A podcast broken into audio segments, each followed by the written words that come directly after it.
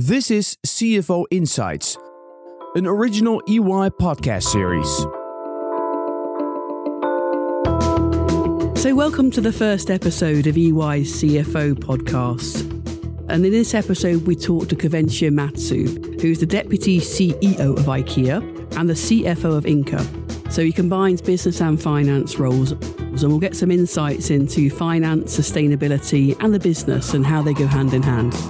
Yeah, that sustainability part is, is really interesting, especially since we have recorded at IKEA's office in Leiden next to the train station. So, talking about sustainability. Yeah, all to reduce their carbon footprint so employees can get around easier. And one thing that struck me from this discussion, Koos, was that, you know, he, he mentioned the word humble several times. And he genuinely is a very humble guy. Um, and, and nothing could be more indicative of that, that when we arrived here, this enormous, phenomenally large company with one of the biggest brands in the world, 170,000 employees globally globally, and we arrive as you stay next to the train station in a very small entrance that we couldn't find. It, it just feels very humble. Everything everything comes across in that yeah, way here. Yeah. yeah, you also hear that he's a very humble guy, uh, and also he will uh, share some great insights on how uh, sustainability and profitability really go hand in hand. That's what he uh, explains perfectly well in this uh, episode. Great. So let's move on then. So my name's Siobhan Tipping for all the listeners. I'm a banker turned partner at EY, and I lead our CFO consulting practice in the Netherlands. And my name is Koos Tervoren. I'm a journalist and enjoy the podcast. Juvencio, thank you very much for inviting us here to Leiden. Um, so you're currently Deputy CEO and CFO of Ingka. Could you just explain for our listeners what the Ingka versus IKEA terminology is and how that role works? Thank you for having me here. Ingka, the company is Ingka Holding, B.V., and Ingka comes from Ingvar Kamprad, the founder of IKEA. And Ingka is uh, made of three businesses. So there are three uh, groups reporting on the uh, Ingka holding. The first one is IKEA Retail that I will talk about. The second one is Ingka Centers, as we operate many shopping centers. We call it meeting place because there is a big developing uh, development going on uh, in more than 15 countries. And then we have Ingka Investment which is like a big investment fund within the company, investing in six portfolios, investing in renewable, investing in forest land, investing in real estate, investing in venture growth capital, investing in merger and acquisition, and finally in financial uh, market investment. If I go to IKEA retail, IKEA business, uh, Ingka is uh, the largest franchisee of uh, uh, IKEA. IKEA is, is a brand owned by Inter IKEA Group. And then we are one of the uh, franchisees, but it's the largest because we are present in more than 30 markets, 30 countries, and we operate IKEA business and the franchise in these markets. Mm. Thank you. That, that's fascinating. And you touched on something really interesting there at the start because before becoming the CFO of Ingka, you were the CEO of India. So you've got business and finance and, and business as your background, actually. What made you move from business to finance and, and how was that? Yeah, I think the uh, the short answer is I have never planned my movement in the company. Yeah, they just happen. But if I take, I am uh, uh my education is finance uh, many years ago, but I have been always leading businesses uh, uh, before IKEA, before Ingka, and now working in Ingka for more than 20 years. And it was about uh, the opportunity to put together three things which I consider is paramount. One is finance, the other one is business, and the third one is sustainability. And it's the integration of these things that matter the most. So we should not have dilemmas or contradiction in between these three I see the three are the same thing actually. And this is why it's so powerful. And then in my role, on one side, I am the CFO of the organization, of the holding, but then I am also deputy CEO. I am also taking business assignment and business responsibilities. Uh, for example, uh, the sustainability reports to me in the organization. So it is in that context that we can really integrate much more the three big components. I truly believe this is a big recipe for the future. Yeah. So so let's get to terminology. Uh, so if CFO doesn't work because people are saying it doesn't work, CVO doesn't work because everybody adds value in the company. So what should we name you? from now on? You know, I am a co-worker in the company, and I am here to a good colleague. Yeah, and I'm here to create value. You know, at the end of my life, I want to look backwards and say, did I use my life properly? And I can say yes, beside the personal things, of course, my wife and my children are, but also I want to look back and say yes, because I helped to create more value and the society is a bit better or the planet is a bit better because I could also influence that uh, process. And I think this is important. That's why I refer to the interdependencies. Because at the end of the day, how do you balance responsibility and accountability in the company? I can be responsible for some uh, functions or some businesses, but I am accountable for the totality of the value creation in the company. And maybe you, you talked about something interesting just there about the interdependency between, you know, profitability, sustainability. Some people who are negative might say there's a conflict there. You know, and you can't always uh, be be sustainable and profitable at the same time. I think you're proving it is possible. But what do you say to those people who say it's not possible? Mm, there is a lot of dilemmas right now. And I think it's important to, to have a deep conversation in every organization about these dilemmas because they are somehow blocking us in the organization. I don't know anyone who wants to destroy the planet. I know people who are trapped. Yeah, I want to do this, but if I do this, it will cost more. And then we will not deliver the goals, the financial goals we're expecting. I can highlight here four dilemmas that we have been uh, working with in order to unlock them. The first one sustainability cannot be a luxury for the few, it has to be affordable for the many. Because it's only when it's affordable that you can build economy of scales and you can take off. And then sustainability, everybody can be sustainable. Let me take one example in our case the bulbs, LED bulbs. It was five years ago that IKEA decided to go full in with LED. At that time, the normal, the traditional bulbs uh, was a big money maker, and the LED bulb was a slow volume and high price. And then IKEA decided, no, let's go full in for that. That's why the price went down then you build the economy of scales. You build the technology that is needed to make sustainable because technology needs volume and volume is driving the possibilities to convert cost into investment. And then by doing that, today the LED bulbs in IKEA is one euro and it's saving 85% of the energy. So it's affordable for the many. The second dilemma I want to mention is the um, uh, that the sustainability is a problem for the bottom line, It's a problem to achieve the right level of profit because it drives cost. An example of this is all the things we are doing in energy efficiency in our own buildings. We own many properties across the world, and then we decide the best energy, the most renewable energy is the one that you don't consume. So we decided to have a big investment to retrofit all our existing buildings and that is reducing massively the energy, but also it gives us an additional profit. So we get additional saving every year and a payback of less than 10 years. Then the third example of dilemma is sustainability is complex for the few. It's, uh, is for the experts. And I categorically say, no, it cannot be like that. Sustainability has to be simple. Because if it is not simple, then it doesn't take off. If I take an example of complexity turning into simplicity, here in the Netherlands, we invested in a company called Retour Mattress. They are recycling mattresses. It's very difficult to recycle ma- mattress because you have to detach all the components. And there is a very integrated, clear, simple process. And they are now only in the Netherlands recycling 1 million mattresses every year. So imagine what you can do in the world, and it's good business as well. And final dilemma consumption comes with question marks. I think you know, the best way to be sustainable is to stop consumption. I clearly say that a good consumption is good for the planet, and then it's good for the business. Let me take one example. We are famous by the meatballs in IKEA.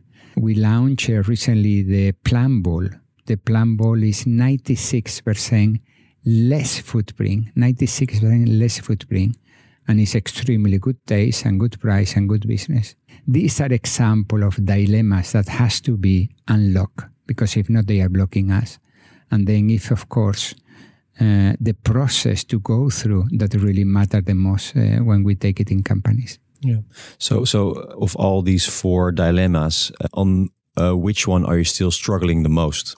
You know, you could say that um, in the company we always are happy and proud for the half empty glass. So you could say that these four dilemmas, it's a permanent dialogue. We have been able to get a lot of uh, proof point that it's possible to unlock them. At the same time, this is a long-term journey because expectations are increasing and then we have to keep increasing the bar. So I would say it's like having four children. I cannot love one more than the other, and the four of them, to move them in parallel is quite relevant. I feel one day extremely happy for all the things we have done, and the next day extremely energized to keep doing even more. Because this is a good thing. When you prove things, then it gives you more energy. And this is for me an advice. How can you find pieces of good example that you can prove that things are possible. And this is building energy, positive energy in the organization. So people are not trapped in dilemmas, but they find good cases that you can build on. This is what we started to do with energy many years ago, and now we are taking this to many other examples. Yeah. There, there are some companies who do not believe, if you could say so, that not have uh, an ultimate reason they think that uh, sustainability or gender equality and financial profit do not go hand in hand. What would you advise these non-believers? That's a good question. What happens when you are not uh, delivering to what expected? I think the first and the most important concept is to understand the why. I think more important than being committed to deliver uh, a, a KPI is to understand why, because then you are even more committed to develop that. If I take example, equal pay in between genders or gender equality or climate footprint, these are not only KPI, these are belief, you know? Either you believe or you don't. And then if you believe on them like we do, then it's easier to achieve that goals. And when you don't meet some goals and some KPIs, then you don't question if we should meet or not. You should question, okay, what does it take to keep closing the gap? That's why understanding the why and the belief, I think for me is extremely important, both in the non-financial, like people and planet, but also in the financial. In our case, profit give us resources, resources to keep investing and we are IKEA and Ingka. Uh, we are based on uh, co- on cost consciousness. The why why we have to reduce costs is because we want to create a space in our P&L to keep investing in lower prices and to keep financing the transformation. So there is an ultimate, you know, reason why you achieve this. You have to achieve the goals. Then you have to follow up, and then you have to act on deviation. That's why we are always very uh, close to a scenario planning based on actions to be able to keep closing the gap because it's not any longer that you have an annual budget, annual goals, and then you wait to deliver. You have to be ready to keep changing everything every day. And the important thing is to work with the scenario planning and to keep actions to keep delivering to that. But I come back to the first concept. Why do you believe? And if you believe as a leader, then the rest can be done. That's interesting there. You talked about being trapped in dilemmas uh, and people can get sort of uh, stuck there. Um, how does that work in, in, within your company if KPIs aren't met, if people are trapped and they're not sure how to get out of this? Hmm. I don't know if they don't believe or, or not. What I, th- I have found, as I said, many people who, who wants to believe, but then they feel that it's not as easy as it seems. My advice would be, at least this is what we do, is uh, like a five-step process. The first one is to the importance of having a purpose. In our case, uh, we are guided by the IKEA vision, which is to create a better everyday life for the many. And this is not a nice statement on the corridors of the office. It's the deep understanding of that uh, vision, that purpose that is driving all the decisions. And this has to be reflected in the way you take decision in company. So in, in, our company, there are hundreds of companies, a lot of boards, a lot of people taking decisions, and all these decisions will make you closer or not to achieving this purpose. So this the understanding of the purpose, what is so important. That's why I believe that recruitment is the most strategic decision we take in companies because you recruit by values, and values have to be connected with the vision and the purpose. This is one advice. The second advice is to have a holistic view of performance, is to be clear what good performance is about. This is what I refer to the value creation and creative value for the four dimension. But also to be clear not only on the financial goals, but also on the non financial, but also in the carbon forecasting our leaders this year, our country CEOs, they have annual goals for next year, but also they have annual goals on CO2 reduction as well. Then the third advice is integration of sustainability into the business. Sustainability cannot be a charity, cannot be a percentage of the P&L to contribute to good cause, which is always of course welcome. But sustainability has to be the way we do business. Being smart in resource is the new low cost economy. Being smart in resource is about reducing costs and it's about taking decision to make the business model sustainable. Sustainability cannot be the responsibility of the sustainability department. It has to be the responsibility of the leader. How to measure things. It's really important that uh, you spend time in defining the way to measure we follow the science-based target for climate, but then we have a lot of proven standards to prove not only the current situation, but the progress. I think the important thing is not to be perfect. Nobody expects you to be perfect as a company, like you as a family. My family is not perfect but then it's also the way you progress. It's also the way you show uh, movement you develop or your plans. That's why to measure in a complete way is important. And finally, it's about collaboration and togetherness and partnership. Sustainability cannot be solved by one. As we normally say that no one can do everything, but everyone must do something. And this is the collaboration that really matters the most maybe if we move on now, uh, Juvencio, to um, the future. What does the future hold for IKEA, given all the good things you've been saying around around growth, around sustainability? You know, what's your next ambitions if you look forward three to five years? Hmm. You know, the power of having such a meaningful vision to create a better everyday life for the many, it, it comes with two takeaways. The first one is extremely inspiring.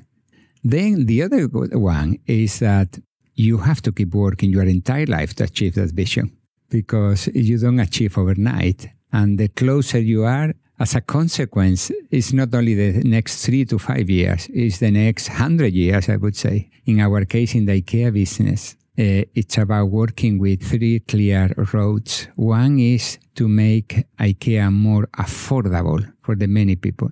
Secondly, is to make IKEA more accessible not only by being present in more locations, but also by the online and the omni-channel transformation. And thirdly is the people and planet positive agenda, so creating positive. And this is what we want to do times 10. So we want to do even more of this. And then in the Ingka Center, it's about creating meeting places. It's about creating engagement with communities. So it's not the traditional shopping center. It's meeting places that have a lot of offer for people to have experiences and for people to be more integrated in their local community. And thirdly, in the Ingka investment, it's about not only creating a sustained financial resilience for the company, but it's also to contribute to the IKEA business transformation. And we are acquiring a lot of companies and partnering with many others but also in achieving our sustainable goals. So we have a lot of uh, purpose-driven investments to make in the coming years uh, investment. So it is um, a never-ending journey that is extremely exciting and inspiring. Good, yeah. And, and if we look at the first of those two, so make IKEA more affordable, maybe the second one as well, more accessible to clients. You know, I've heard things around you want to start extending more financing to help people uh, buy IKEA products in a different way. Could you maybe talk a little bit about that, about what your plans are around that and how that links into those two? Yeah, there's a lot of development in financing and fintech and so on. So we acquired um, 49% of Ikano Bank we already we were already working with them in many countries from their retail financing solutions. And the main reason for us to do that and to develop our banking capabilities is to make IKEA more affordable.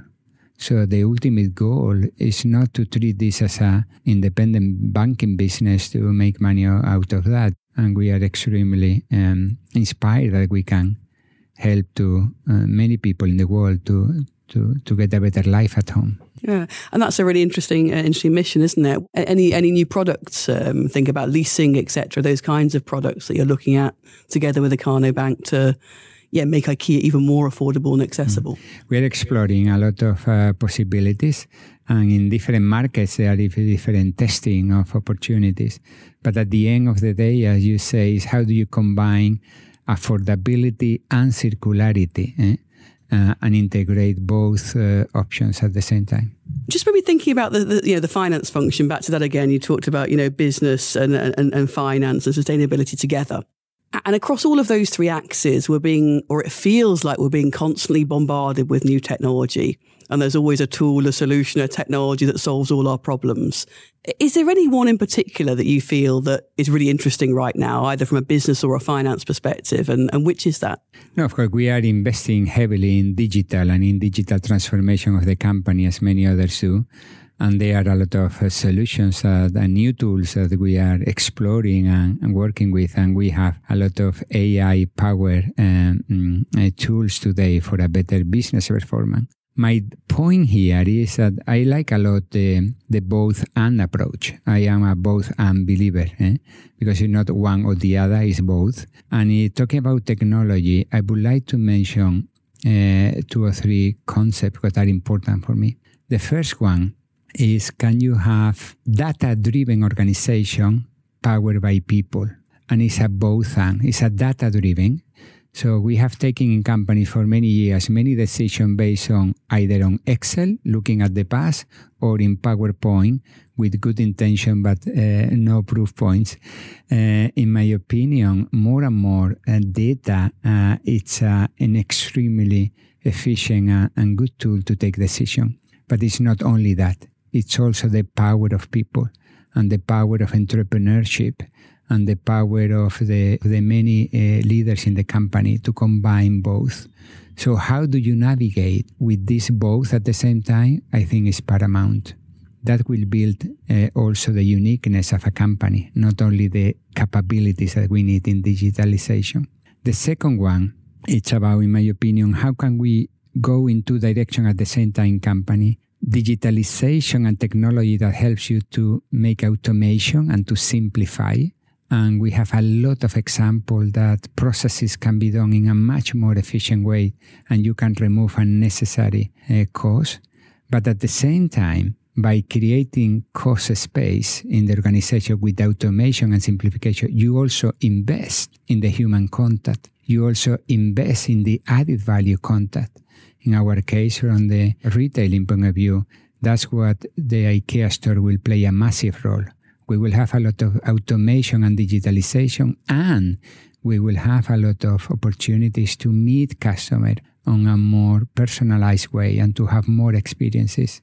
Then the third one, it's about digitalization technology that helps you to not only to cost reduction but to cost transformation. And by doing that, you create a space to keep investing in lower prices and to keep investing in business transformation. So it's not about reducing the cost to make the shareholder richer. It's about reducing the cost to really keep lowering prices and to keep investing in transformation. It's by doing these things that I think we can A, use technology to drive more efficient business, B, to create a space to have more added value as a company, and C, which is the most important thing to secure the long term of the organization. And maybe on, on technology, because as I said before, it, it, can feel like a lot, can't it? And you said there, you know, it's about um, people as well, people and data interactions. Is there anything that scares you or worries you around technology where you think actually we're losing here, we're losing the people aspect? I think uh, in the world we live in, I think everything scares you. Uh, but uh, I think the, the, the important thing is, uh, and I would say to have a both and approach, is to have a deep belief in some principles. For example, data ethics. For example, the purpose uh, of your companies, because they are providing you with a compass to take decisions. Especially in a world that you know we don't know what, how things develop, and there will be a lot of conflicts, dilemmas in the way technology is used, in the privacy, in the and all these questions can only be solved by deep uh, values uh, uh, and clear principles. Then to be open to anything, and then to be open to learn and to and to be humble enough, as I said before, and being open to learn from others and being open to new generations and the possibilities that we have. I think we can use technology uh, to create a better world, not only to have better P&Ls. Great, thank you very much. Um, look, it's been a pleasure, Juvencio. I think one final point maybe I, I want to draw out around ESG and sustainability because I think, you know, based on this conversation, you are quite far here, both in terms of measurement, management, but also really, I think, embedding into the business. Uh, and all of that through being a very humble guy as well. So thank you very much for your for the, your time today. No, thank you to you for this great initiative and helping each other. Thank you very much. So, if you enjoyed this podcast, please do listen to other episodes in our series for some CFO insights. My name's Siobhan Tipping. I lead EY's CFO consulting practice in the Netherlands. Thanks for listening. Goodbye.